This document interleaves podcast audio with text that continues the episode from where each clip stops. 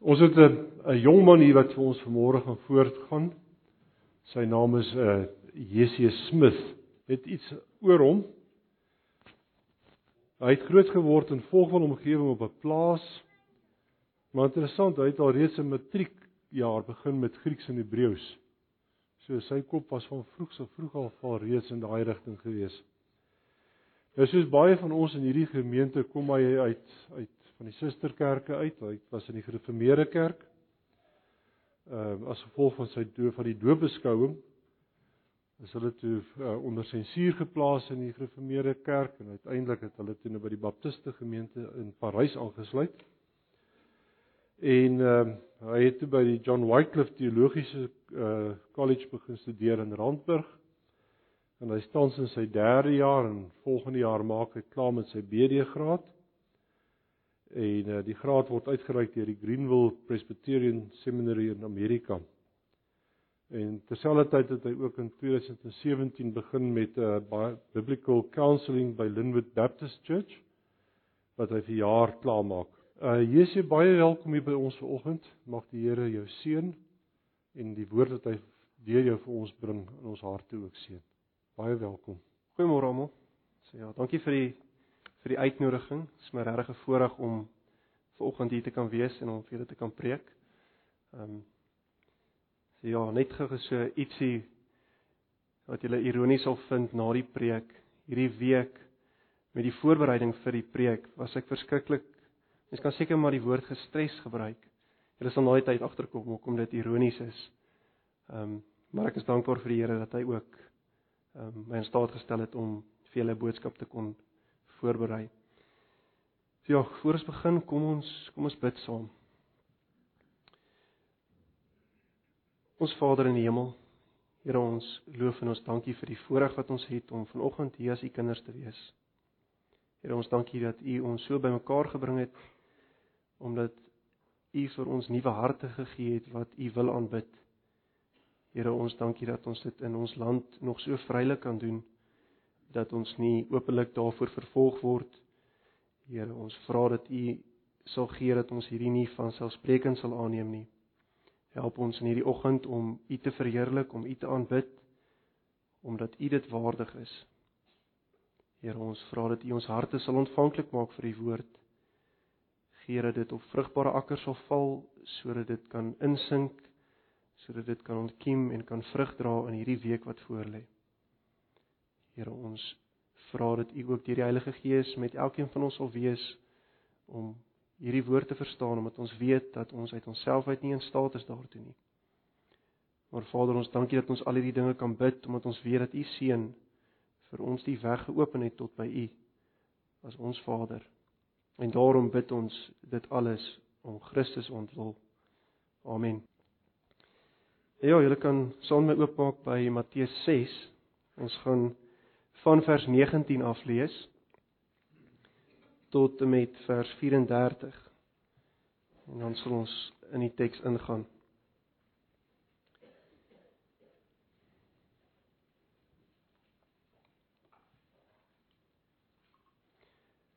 Matteus 6 vanaf vers 19. Ek lees uit die ou vertaling. Moenie vir julle skatte bymekaar maak op die aarde waar mot en roes verniel en waar diewe inbreek en steel nie. Maar maak vir julle skatte bymekaar in die hemel waar geen mot of roes verniel en waar diewe nie inbreek en steel nie. Want waar julle skat is, daar sal julle hart ook wees. Die lamp van die liggaam is die oog. As jou oog dan reg is, sal jou hele liggaam verlig wees. Maar as jou oog verkeerd is, sal jou hele liggaam donker wees. As dan die lig in jou donkerheid is, hoe groot is die donkerheid nie? Niemand kan twee here dien nie, want of hy sal die een haat en die ander lief hê, of hy sal die een aanhang en die ander verag. Julle kan nie God en Mammon dien nie. Daarom sê ek vir julle, moenie julle kwel oor julle lewe, wat julle sal eet en wat julle sal drink of oor julle liggaam wat julle sal aantrek nie. Is die lewe nie meer as die voedsel en die liggaam as die klere nie? Kyk na die voëls van die hemel, hulle saai nie en hulle maai nie en hulle bring nie bymekaar in skure nie. En tog voed julle hemelse Vader hulle. Is julle nie baie meer werd as hulle nie? Wie tog onder julle kan deur om te kwel 1L by sy lente voeg? En wat kwel julle julle oor klere? Let op die lelies van die veld, kyk hoe hulle groei. Hulle arbei nie en hulle spin nie. En ek sê vir julle dat self Salomo in al sy heerlikheid nie bekleed was soos een van hulle nie. As God dan die gras van die veld wat vandag daar is en môre in die oond gegooi word, so beklee, hoeveel te meer vir julle klein gelowiges? Daarom moet julle julle nie kwel nie en sê, wat sal ons eet? Of wat sal ons drink of wat sal ons aantrek nie? Want na al hierdie dinge soek die heidene Want julle hemelse Vader weet dat julle hierdie dinge nodig het. Maar soek eers die koninkryk van God en sy geregtigheid en al hierdie dinge sal vir julle bygevoeg word. Kwel julle dus nie oor môre nie, want môre sal hom oor sy eie dinge kwel. Elke dag het genoeg aan sy eie kwaad. Tot sover die die woord van die Here. Ehm um, Nou daar's in hierdie gedeelte wat Jesus nou praat wat aangaan met die bergpredikasie. Sy besig om nege argumente te maak oor hoekom dit onnodig is om 'n lewe te leef van bekommernis. Nou ons gaan nie op elke argument ingaan nie, maar deur die behandeling van die teks sal ons wel elke argument ook behandel, maar ek gaan nie uitlig nie. Um, ek wil graag vir oggend hierdie teks onder 3 punte hanteer. Ehm um, ek het dit in 'n akroniem vir julle gesit net om dit makliker onthoubaar te maak. Ons noem dit die 3 O's. So die drie punte waarna ek wil kyk is hoekom angstigheid, stres en bekommernis, hoekom dit onproduktief is, hoekom dit onnodig is en hoekom dit onvanpas is. So dis die drie punte waaronder ons na hierdie teks gaan kyk. Nou ja, die eerste punt, die onproduktiwiteit daarvan om om bekommerd te wees oor jou lewe. Kyk saam met my na vers 27 van Matteus 6 wat sê daar, hy sê: Wie tog onder julle kan deur om te kwel 1L by sy lente voeg? Dit kan dui op fisiese ouderdom, 1L by die lente van jou lewe. Wie kan deur 'n sekonde stil te gaan sit dit regkry om jou lewe te verleng? jou lewe te verleng wat God reeds die geboortedag en die sterfdag van bepaal het. Ek dink nie een van ons is in staat om dit te doen nie. Kyk sommer my na Job 14. Wat sê hy daar rondom rondom ons lewe? Job 14 vers 5.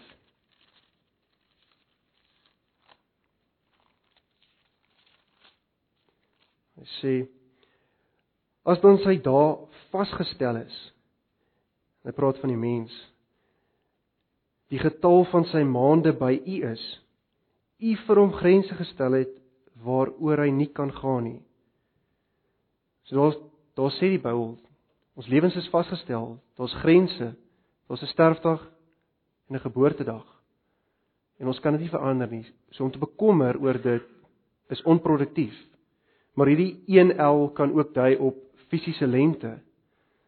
Niemand van ons is in staat om deur stil te gaan sit en deur bekommerd te wees oor die lewe 'n el by ons lente voeg hoe hoog ons is nie. So hy gebruik hierdie beeld om net doeteenvoudig vir dit te te wys dit is onproduktief. Dit is sinneloos om daaroor te bekommer.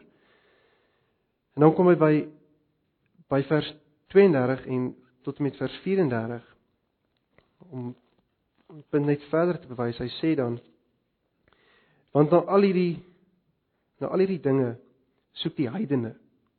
Want julle hemelse Vader weet dat julle al die dinge nodig het. Maar soek eers die koninkryk van God en sy geregtigheid en al hierdie dinge sal vir julle bygevoeg word. Kwel julle dus nie oor môre nie, want môre sal hom sy eie dinge kwel. Elke dag het genoeg aan sy eie kwaad. Ons sien die heidene is skyn die woord behep gebruik met die verlenging van lewe. Ehm um, Ek het bietjie gaan gaan kyk. Daar's 418 verskillende medikasies op die mark wat gebruik kan word om sogenaamd lewe te verleng. Sê vir ons iets van die fokus van die wêreld waar dit vir hulle gaan. Hulle wil so lank as moontlik lewe. Um, hulle is bang vir die sterfdag want daar's niks na dit nie, dis wat hulle glo. Ehm um, daar's nou 'n nuwe ding wat uitgekom het. Hulle noem dit cryogenics.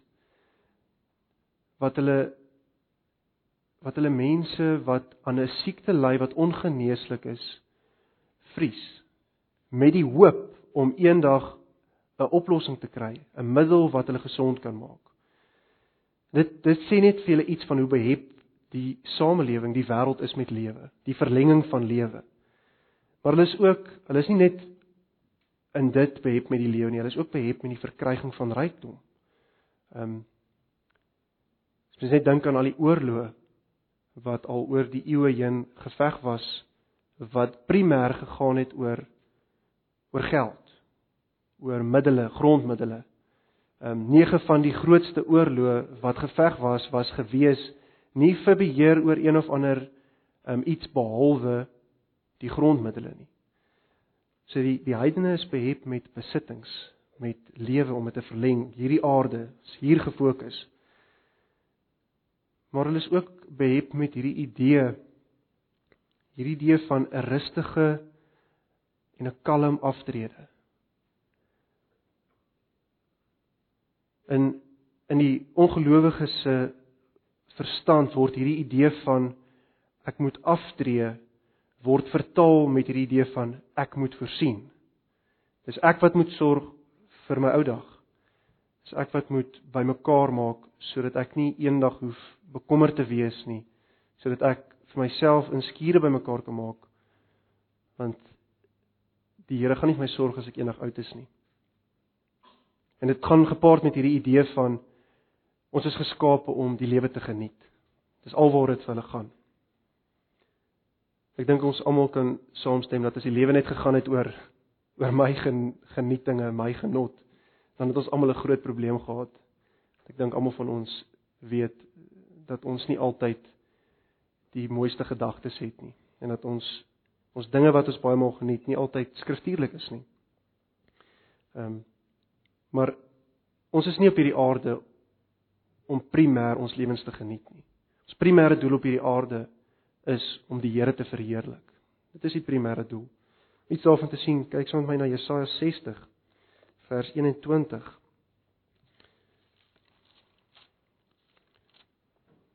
Hy sê daarso: En as jou volk sal en jou volk sal almal regverdiges wees, vir ewig sal hulle die land besit as lote deur my geplant, 'n werk van my hande tot my verheerliking. Die lote wat geplant is, dui op die mense. Vrugbare wingerd wat geplant is. Dis die Here wat daai plantwerk gedoen het, maar dit is nie sodat die wingerd maar op hulle eie kan aangaan nie. Dit is om die Here te verheerlik, om bietjie iets duideliker daar te sê, um, blaai saam na na Romeine 11 toe. Ehm um, stok 'n bietjie makliker teks om dit te verstaan dat ons lewens primêr gaan oor die verheerliking van die Here. Romeine 11 vers 36. Want uit hom uit Christus en deur hom en tot hom is alle dinge. Syne is die heerlikheid tot in ewigheid. Net die die volgende boek 1 Korintiërs 10 vers 31 sê die volgende hy sê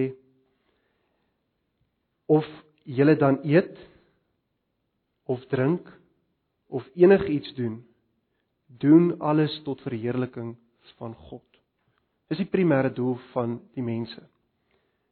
Die Baptiste Katekismus, ek weet nie of julle dit ook gebruik nie, se eerste vraag, wat is die hoofdoel van die mens op aarde? Die Engels, die Westminster of die 1689, what is the chief end of man? Om God te verheerlik en om hom te geniet. To glorify God and to enjoy him forever. Dis die primêre doel van die mens hier op aarde. So enige iets in stryd met wat die skrif leer is verwoestend. Dit is vernietigend. Ehm um, daarom is hierdie dinge wat die heidene najag wat net tydelik is, is onproduktief. Dit bring niemand iets in die sak nie. Ons gaan vir 'n kort tyd leef en dan sterf hulle. En dan gaan dit oor na die volgende geslag toe. Hoe meer besittings jy het, hoe meer jy aards gefokus is, hoe groter raak jou bekommernis, hoe groter raak jou stres. Ehm um, hoe meer jy goed vul, hoe groter raak jou verantwoordelikhede. Ehm um, jy begin dan om 'n lewe te leef van angstigheid oor wie gaan my goed kom vat? Ehm um, is my goed veilig? Nou net as die Here hierdie punt gemaak het van moet jy nie bekommer nie, dit het mooi ingesink in die gehoor se se gedagtes en 'n bietjie begin dink daaroor. Dan sê Christus iets baie eenvoudig en eintlik baie logies. Dit is nie 'n 'n moeilike gedeelte om te verstaan hierdie nie. Dan kom hy met vers 34. Dan sê hy: "Kwel julle dus nie oor môre nie, want môre sal hom oor sy eie dinge kwel. Elke dag het genoeg aan sy eie kwaad." So wat hy sê is, julle kan nie deur te bekommer iets byvoeg by hulle lewe nie. Dis onproduktief. So moet jy hulle nie kwel nie. En as jy hulle kwel, sal dit 'n vernietigende effek op julle lewe hê. Dis onproduktief. Mense wat stres, werk nie goed nie. Mense wat stres raak siek. Dink maar net aan iemand wat wat 'n groot toets het wat opkom, wat 'n toets moet gaan skryf. Alles gaan goed en die dag na hy daai toets geskryf het, dan tref een of ander siekte hom. Uitputting oor al die stres wat hy deurgemaak het. Fisies op ons liggame het stres 'n fisiologiese effek. Dit maak ons onproduktief. Ehm um, en dan natuurlik neem dit dit neem tyd op wat dood eenvoudig net nie dit dit verdien nie daai tyd van jou nie. Ehm um, kyk bietjie na vers 22 tot 23. Hy sê die lamp van die liggaam is die oog. As jou oog dan reg is, sal jou hele liggaam verlig wees. Maar as jou oog verkeerd is, sal jou hele liggaam donker wees. As dan die lig in jou donkerheid is, hoe groot is die donkerheid nie? En wat is die konteks waarbinne hy hierdie sê? Dit klink verskriklik moeilik om dit te verstaan. Dit klink hoog. Die konteks waarin Jesus hierdie sê oor die oog is in die konteks van bekommernis. Dis in die hele teks wat ons gelees het van stres, van angs. Wat Jesus sê is dat angs, bekommernis en stres maak dat die mens se visie geblur is, dat sy sig nie helder genoeg is nie, dat die mens nie reg dink oor wat aangaan nie. Dit tas en dit belemmer jou sig as jy bekommerd is. Vers 25 volg dan op daar en sê hy daarom sê ek vir julle moenie julle kwel oor julle lewe wat julle sal eet en wat julle sal drink nie of oor julle liggaam wat julle sal aantrek nie is die lewe nie meer as die voedsel en die liggaam as die klere nie Vers 25 bekommernis maak dat die mens nie helder dink nie Ons het reeds die voorbeeld genoem van van 'n toets sê gaan om 'n toets te gaan skryf voor die tyd kan jy al die antwoorde amper aframmel. Jy ken dit uit jou kop uit. En dan gaan sit jy daar en dit is asof jou brein verdwyn het. Asof jy net nie die antwoorde kan kry nie. Stres maak dat mense helder kan dink nie. Bekommernis veroorsaak dit. En dis hoekom Paulus in Romeine 12 in die eerste 2 verse dan skryf hy die volgende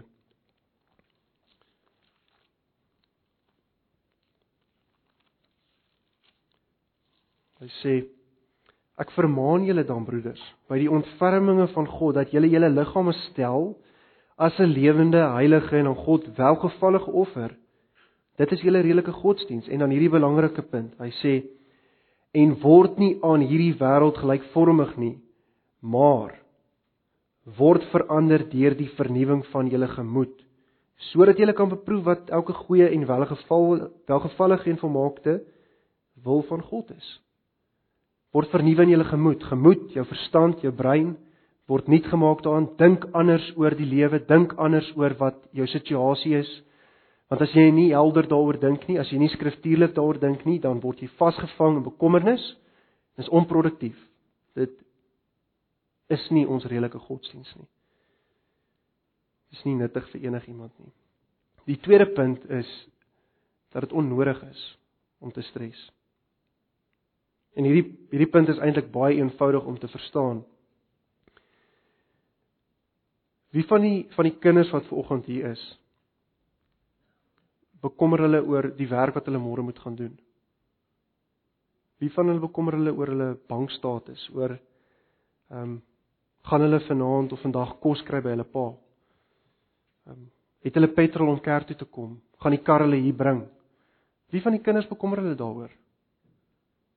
Ek dink nie een van hulle gaan daarvoor kom daar bekommer nie. Dis ons probleem. Ons vergeet kunskap. Ons begin te dink ons is in beheer van ons lewens. En dit is nie die geval nie. Ons dink dis ons werk, dis ons tyd, dis ons geld. Dis ons wat die geld gemaak het. Dis ons voorsiening van kos.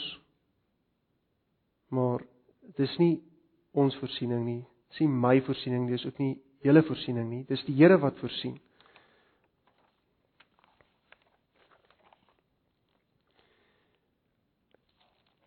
Dink nie die die Vader belas enigiemand van sy kinders met hierdie dinge om bekommerd te wees daaroor nie. Julle julle kan ook nou sê maar dis logies dat 'n kind nie gaan bekommerd wees oor sy werk môre nie want hy het nie 'n werk nie. En dis reeds die punt. Dis nie jou werk nie. Dis nie ons werk nie. Dis die Here wat dit gee. Dis nie my kar nie, dis nie my geld nie, dis die Here se. En hy gee dit vir ons. Maar ons sien dit as ons sin en dis hoekom ons bekommerd is daaroor want nou moet ek dit behou. Ek het dit self gekry, so ek moet dit self hou. Maar as ons begin leef vir die hand van die Here en besef dis hy wat dit gee, dan verander ons denke oor hierdie dinge. En die effek wat dit op 'n pa het wanneer sy kind hom nie vertrou nie, wanneer sy kind hierdie vrae begin vra van gaan my pa vir my kos gee? Dit is verwoestend. Ek het dit al gesien wanneer 'n pa nie 'n werk het nie, nie vir sy gesin kan sorg nie. Hy kwyn weg. Sy kinders na hom kyk en hulle kyk met hom nie met die oë van my pa gaan vir ons kos gee, maar met die oë van my pa kan nie vir ons dit gee nie. En ons moet nie met daai oë na die Here kyk nie, want hy is in staat om vir ons dit te gee wat ons wat ons nodig het. Ehm um, weer vers 25 van Matteus 6. Daarom sê ek vir julle moenie julle kwel oor julle lewe, wat julle sal eet en wat julle sal drink nie, of oor julle liggaam wat julle sal aantrek nie. Is die lewe nie meer as die voedsel en die liggaam as die klere nie. Kommernis is onnodig want die lewe is meer as net hierdie dinge, as kos en klere. Vers 27: Wie tog onder julle kan deur om te kwel een el by sy lente voeg? Ons is niemand in staat om dit te doen nie, so dis onnodig om dit te doen. Vers 34 sê kwel julle dis nie oor môre nie, want môre sal hom oor sy eie dinge kwel elke dag het genoeg aan sy eie kwaad. Wie van julle weet wat môre gaan gebeur? Dink niemand van ons, ons weet wat môre gaan. Ons het dalk 'n beplanning van wat ons môre wil doen, maar ons weet nie wat môre gaan gebeur nie. Het enigiemand van julle hierdie week gaan sit en bekommer oor die meteoriet wat Pretoria gaan tref? Dink nie enigiemand van ons het gaan sit en daar bekommer nie, want ons weet nie eers is daar so iets nie. dit wat die mens nie van weet nie en dit wat wat nie bestaan nie, kan ons nie ons oor bekommer nie. Maar ons het nog steeds hierdie idee van dis my voorsiening van kos. Dis my voorsiening van 'n kar, van 'n huis. Dis ek. En daarom bekommer ons oor hierdie goed in plaas van om te besef dis in die Here se beheer, dis hy wat voorsien. Hoor wat leer ja Jakobus ons oor hierdie gedagte van dat ons reeds dink ons het môre nou. Jakobus 4 vers 13 vers 13 tot 17 sê hy Kom nou julle wat sê vandag of môre sal ons na die en die stad gaan en daar 1 jaar deurbring en handel drywe en wins maak. Julle wat nie eens weet wat môre sal gebeur nie. Want hoe danig is julle lewe? Dit is tog maar 'n damp wat vir 'n kort tydjie verskyn en daarna verdwyn. In plaas dat julle sê as die Here wil en ons lewe, dan sal ons dit of dat doen. Maar nou roem julle in julle groot paratery. Al sulke roem is verkeerd. Wie dan weet om goed te doen en dit nie doen nie, vir hom is dit sonde. Let mooi op wat wat Jakobus hier sê. Kyk kyk na vers 13. Hy sê kom nou julle wat sê vandag, daar's tyd aan dit gekoppel. Maar vandag of môre, so hulle hulle neem reeds aan hulle dit môre ook. Dis die probleem. Vandag of môre sal ons na die en die stad gaan, daar's 'n plek. Ehm um, ons sal daar 1 jaar deurbring, daar's tydperk aan dit gekoppel. En dan die motivering wat baie maal ons probleem is. Ons sal daartoe gaan, handel drywe en wins maak. Van die begin af het hulle met die kere verkeerde motivering begin. Dit het alles gegaan oor geld, oor die lewe, oor die genot hier. Maar ook vanuit hierdie idee van môre is reeds myne. In plaas van om te leef uit dit wat die Here vandag vir ons gee.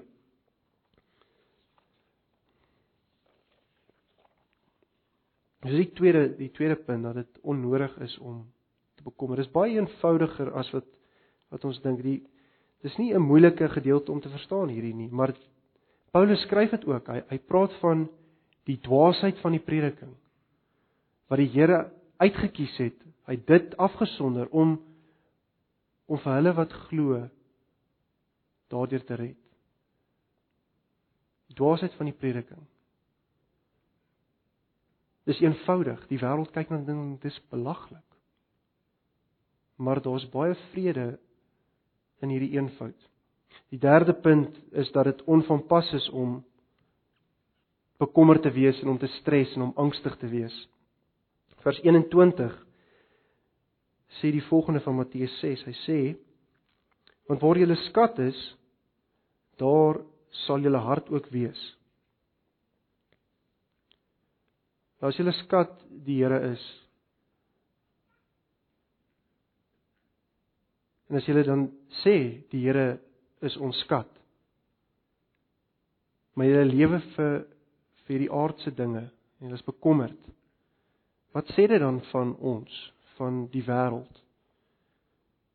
Wel, eerstens dit sê dat hulle skat is nie werklik waar die Here nie. Hulle hulle hulle jok dan vir hulle self as hulle sê die Here is ons skat, maar hulle is bekommerd oor hierdie dinge. Dis die punt wat hy maak. Let let mooi op wat hy sê in vers 21. Kyk na die woorde wat Jesus gebruik. Hy sê hy sê nie want waar julle skat is sal julle hart moontlik wees nie. Hy sê ook nie waar julle skat is sal julle hart dalk wees nie. Hy sê waar julle skat is sal julle hart wees. Dis nie opsioneel nie. Dit wat jy oor bekommerd is is waar jou hart is. Dis jou skat. Vers 24 sê die volgende: Niemand kan twee here dien nie. Want of hy sal die een haat en die ander lief hê, of hy sal die een aanhang en die ander verag. Julle kan nie God en geld dien nie. God en Mammon. Mammon is die geldgod. Julle kan nie God en geld dien nie. Daai woord wat wat Jesus daar gebruik om te sê julle kan nie twee here dien nie. Daai woord vir dien is die is die woord vir 'n slaaf. Doulos om 'n diensknegt te wees. Julle kan nie twee persone se slawe wees nie. Nou wat hy wat hy met daai woord probeer sê is dat as jy jou laat beheer deur stres, dan is stres jou heer. As jy laat beheer deur bekommernis, is bekommernis jou heer. As angs jou beheer, dan is angs jou heer. Twyfelagtigheid. As jy twyfel oor dinge, dan is dit jou heer.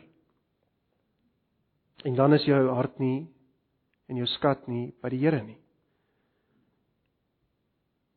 So dis 'n harde boodskap wat eintlik hier bring, want dis elkeen van ons om te twyfel, om bekommerd te wees, om te vrees. Soos ek aan die begin gesê het, ek was bekommerd oor die preek wat ek moes maak. Dis die ironie daarvan, dis so naby aan elkeen van ons. Maar onthou, hierdie bekommernis en hierdie angs en hierdie stres waarvan hy praat, is nie is nie hierdie eenmalige ding van ek voel nou net oorweldig met die taak en nou is ek bietjie bekommerd daaroor nie. Hy praat hier van 'n patroon van lewe. Mense wat nie genoeg sekuriteit kan kry nie want hulle is bang. Mense wat nie genoeg geld bymekaar kan maak nie want hulle is angstig oor die toekoms. Dis waarvan hy praat. Hy praat van 'n patroon van lewe. Hy praat nie van eenmalig wat 'n gelowige dalk daarin val nie. Ehm um, Want ons almal doen dit nog steeds. Maar ons moet pas op dat hierdie eenmalige val nie 'n tweede maal gebeur en 'n derde maal en dan vorm dit 'n patroon nie. Kyk dan vers 26. Jesus sê kyk na die voëls van die hemel. Hulle saai nie en hulle maai nie en hulle bring nie bymekaar in skure nie. En tog voed julle hemelse Vader hulle. Is julle nie meer werd nie baie meer werd as hulle nie? Wie van julle hierso sal julle lewe gee om die lewe van dink die lelikste voel uit wat jy kan? 'n Indian miner, 'n Hadida, spreeu. Daai voel met daai rooi ding, is 'n vrek lelike ding. Wie van julle gaan julle lewe gee vir daai voel? Ek dink nie is een van ons wat bereid gaan wees om dit te doen nie, want dit maak nie sin nie. Dis die punt wat die Here maak. Hoeveel meer werd is ons nie as die voëls nie? En dan bekommer ons nog of die Here ons gaan voorsien terwyl ons kan sien hy hou sy skepping in stand.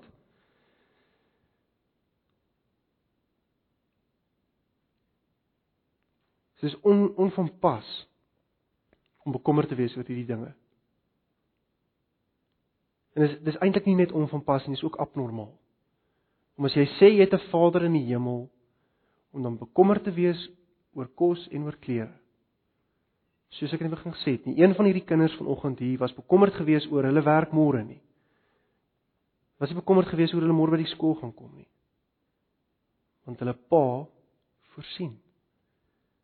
Skry so klein beeld daarvan reeds nou op aarde van hierdie hemelse Vader. Vir ons baie mense wat dalk gebroke gesinne het, Wel, eintlik is alle gesinne gebroken na die sondeval, maar ons praat hier van verskriklike gebroke gesinne wat dalk nie 'n pa het nie, wat dalk 'n verkeerde idee het van 'n vaderlike figuur. Maar ek dink almal kan verstaan uit die algemene idee van 'n pa dat hy vir sy kinders sorg. Christus sê dit self. Hy sê selfs 'n vader weet om vir sy kinders, 'n heiden weet om vir sy kinders goeie goed te gee. 'n Heiden gaan nie vir sy kind as hy vir hom 'n vis vra skerpioen gee nie. Sy vir hom 'n brood vra klip gee nie. Hoeveel te meer nie julle hemelse Vader nie. Sy maak dit ek ek dink is in Matteus 11 wat hy daardie argument maak. Nou as ons dan meer werd is as die voëls en niemand van ons ons lewe vir die voëls gaan gee nie. Hoekom dink ons dan nog baie maal dat die Here ons nie gaan versorg nie? Wel eerstens, ons dink nie reg oor onsself in verhouding met die Here nie. Ons vergeet ons is sy kinders en hy is ons Vader. Kyk bietjie wat sê Psalm 8 rondom die mens. Hy sê hy sorg vir die voëls en as hy dan vir die voëls sorg wat 'n klein deel is van sy skepping, wat sê dan van die mens? Wat is die mense deel van hierdie skepping? Psalm 8 vers 6. Lees hom van vers 4. Hy sê: As ek die hemel aanskou, die werke van u vingers, die maan en die sterre wat u toeberei het, wat is die mens dat u aan hom dink en die mense kind dat u hom besoek. U het hom 'n weinig minder gemaak as 'n goddelike wese en hom met eer en heerlikheid gekroon. Ons is net deel van die skepping nie. Ons is die kroon van die skepping. Dit is baie meer werd as baie mossies. Dis baie vinke. Ons is die hoogtepunt gewees van die skepping. Na God alles geskep het en hy die mens geskep, dan sê hy Dit was baie goed. Mense is die hoogtepunt van die skepping. Hoe hoekom sal God dan nie dit versorg nie as hy die gras van die veld versorg? Nou as bekommernis dan hierdie drie dinge is, is onproduktief, is onnodig en is onvanpas. Wat is dan wat is dan die dinge wat wat produktief sal wees, wat nodig is en wat gepas sal wees? Ehm um, Is dit om bekommerd te wees oor kos of klere of 'n werk of omstandighede of of mense my lief hê, gaan mense vir my omgee. Ehm um, huis, familie, kerk is is dit die belangrike goed. Nou hierdie is alles nodige goed en is alles belangrik. Maar dis nie die belangrikste nie. Wat is die grootste nood van die mens? Dis nie hierdie ding wat ons opkom nie. Die grootste nood van die mens is verlossing. Dis die grootste nood. Na die sondeval is al hierdie ander dinge ondergeskik aan die nood wat die mens het om verlos te word. Dis die grootste nood. Nou dis nie wat wat ons samelewing vir ons sê nie. Ons samelewing ehm um, sal sê, "Wil jy dan vir my nou sê dat my my aftrede, my kinders, my vrou, my my werk nie die belangrikste is nie?" Nou, dis nie ek wat sê dis nie die belangrikste nie. Dis Christus wat sê dis nie die belangrikste nie. Dis die Bybel wat sê dis die belangrikste nie. Ehm um, hierdie goed is nie ek wat uitdink nie. Die die teks sê dit self. Moenie bekommer oor hierdie dinge nie. Nou ons is almal op pad vandat ons gebore word na ons dood toe. En as ons doodgaan sonder hierdie grootste nood, sonder verlossing, dan eindig ons op nie in die hemel nie, maar in die hel. So kom dit die grootste nood is. Nou, wie kan dan hierdie grootste nood van ons voorsien? Dis eintlik die die vraag wat hierdie teks beantwoord. Kyk na vers vers 34. Ag vers 33, ekskuus tog. Vers 33 sê van Matteus 6: Maar soek eers die koninkryk van God en sy geregtigheid en al hierdie ander dinge sal vir julle bygevoeg word. So is nie net dat ons eers in orde die koninkryk moet soek nie, maar dis wat ons moet soek. Dis al wat ons moet soek. Soek die koninkryk. Daai woord eers beteken nie soek die koninkryk en as jy dit nou gekry het, dan soek jy kos en klere en die res van die goed nie. Soek die koninkryk, dis die opdrag. Die res sal bygevoeg word. Dis jou enigste taak om die koninkryk te soek. Nou ons kan 'n idee van soek die koninkryk op 'n ander manier ook stel want dit klink baie abstrakt. Wat bedoel ons met soek die koninkryk? Ons kan ook sê soek die regering van Christus in jou lewe. Jaag Christus se heerskappy oor jou lewe nou al na. Wees konstant gefokus op Christus. Hou julle oë op Christus die leidsman en die volëinder van ons geloof. Dis wat die Hebreërsboek sê. Lê jouself neer sodat jy minder kan word en Christus meer kan word. So wat beteken om om die koninkryk te besoek? Beteken moenie jou probleme slaapkamer toe vat nie, vat dit na die koning toe. Vat dit na jou Vader toe. Sien jy wat dit gaan oplos nie, dis jou Vader wat dit oplos.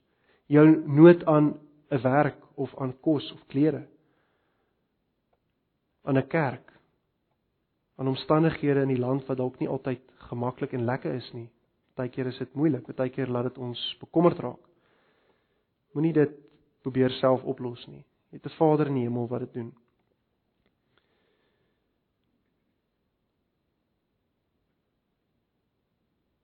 Dis dis wat God die Vader vir ons reeds kom doen het. Het hierdie grootste nood van verlossing het hy vir ons kom voorsien. En hoe het hy dit voorsien? In en deur sy seun Jesus Christus. Dis die grootste nood wat ons gehad het en God het dit voorsien. En as hy dit voorsien het, hoekom nie die ander ook nie? Hy sal dit voorsien. Dis 'n belofte.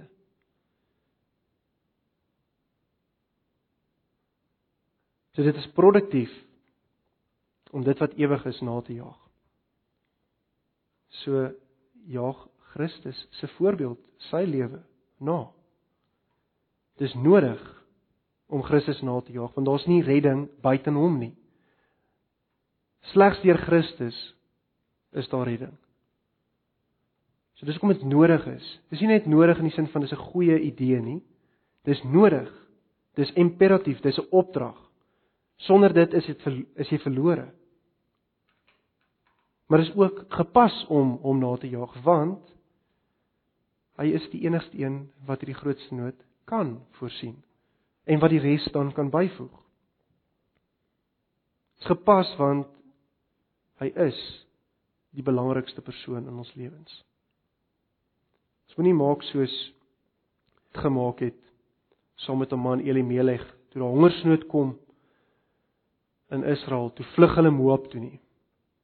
En daar tref die een tragedie op die ander tragedie hulle.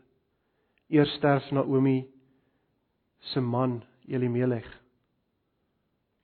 Toe sterf haar twee seuns 10 jaar later. En hulle los twee albei hulle vrouens agter. Nou sit Naomi nog twee weduwees wat daar bly. En dan hoor hulle die boodskap: Die Here het ag gegee op sy volk. Hy het brood in Bethlehem gegee. Bethlehem beteken is Bethlehem, huis van brood. Die Here het brood voorsien in die beloofde land waar hy gesê het hy sal brood voorsien, maar hulle het gevlug. Wat doen Naomi? Sy sê vir haar twee dogters: "Gaan julle elkeen terug na julle moeder se huise toe, na julle gode toe. Moenie saam met my kom waar God brood voorsien het nie. Nee, nee, dit is nie veilig daar nie." Dit ons ook baie maal doen in die manier wat ons leef. Ons sê ons glo in Christus, maar sodra mense begin betrokke raak by ons lewens, dan sien hulle dat ons nie werklik waar glo dat die Here sal voorsien nie. Dat ons eerder vir hulle sê nee, gaan maak self voorsiening. Gaan eerder na die wêreld toe vir hulp. Terwyl die boodskap het aangekom die Here het brood voorsien in Bethlehem. So ons moenie maak soos soos Naomi gemaak het teenoor haar skoondogters nie. Ons moet wees soos Rut wat die boodskap gehoor het daar's brood en sy weier om van Naomi te skei. Sy sê: "U volk sal my volk wees. U God sal my God wees." En ons sien dan deur die res van die boek hoe die Here haar seën. Hoe hy die grootste nood wat sy gehad het, wat was haar grootste nood ook gewees? Weduwee in Israel, wie gaan haar versorg? Daar's nie 'n man nie. En dan kom Boas in, die losser, die verlosser, die redeemer. Hy kom in en hy vul hierdie grootste nood wat sy het, vul hy aan verlossing. Iemand moet haar vrykoop, iemand moet vir haar versorging gee. Sy's verlore, dis die beeld van 'n weduwee in Israel. Daar's niemand wat gaan omgee vir haar nie.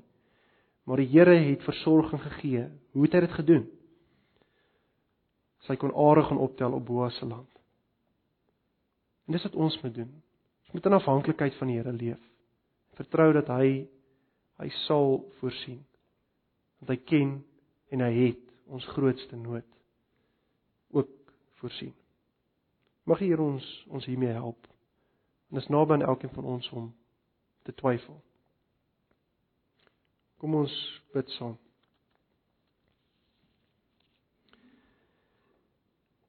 Ons Vader in die hemel, Here, ons loof en ons dankie vir u woord. Here, ons dankie vir die feit dat ons u ons Vader kan noem. Dat ons weet dat u ons Vader is wat in staat is om ons te gee wat ons vra. Here dat U die mag het om dit te gee, maar nie net die mag het nie, dat U hart teenoor U kinders die hart van 'n Vader is, wat hulle omstandighede ken, wat hulle begeertes ken en wat hulle behoeftes ken. Here ons dankie dat U ons grootste behoefte van verlossing kom vervul het. Dat U U seun vir ons gestuur het nie omdat ons dit verdien het nie, Here, maar omdat U ons Vader is dat U ons genadig was. Ons dankie hiervoor, Here, en ons vra dat U sal gee dat ons uit hierdie verlossing sal leef. Dat ons eers U koninkryk sal soek, dat ons Christus se regering in ons lewens sal najag. Dat ons sy voorbeeld sal leef. Here, dat ons nie sal vergeet dat ons 'n Vader in die hemel het nie. Help ons om in hierdie week in afhanklikheid van U te leef, dat ons nie sal eie planne maak om te voorsien nie, daar waar die omstandighede swaar druk in ons land. Here dat ons nie angstig sal rondkyk, dat ons nie bekommerd sal wees nie, maar dat ons kan vasvertrou dat U ons hier geplaas het en dat U ons hier sal bewaar en sal beskerm. Ons dankie dat ons dit kan weet omdat U dit beloof.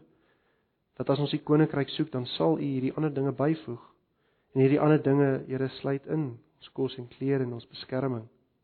Ons dankie daarvoor. Here, ons dankie vir u die verlossing wat u voorsien het en dat ons ook nou met die nagmaal wat ons gaan gebruik dat ons ook dit kan sien dat ons daaraan kan dink wat Christus vir ons gedoen het. Here help ons om U te verheerlik. Ons dankie dat ons hierdie dinge kan bid in die naam van Jesus Christus, ons Here en ons verlosser. Die genade van die Here Jesus Christus en die liefde van God en die gemeenskap van die Heilige Gees sy met julle almal. Amen.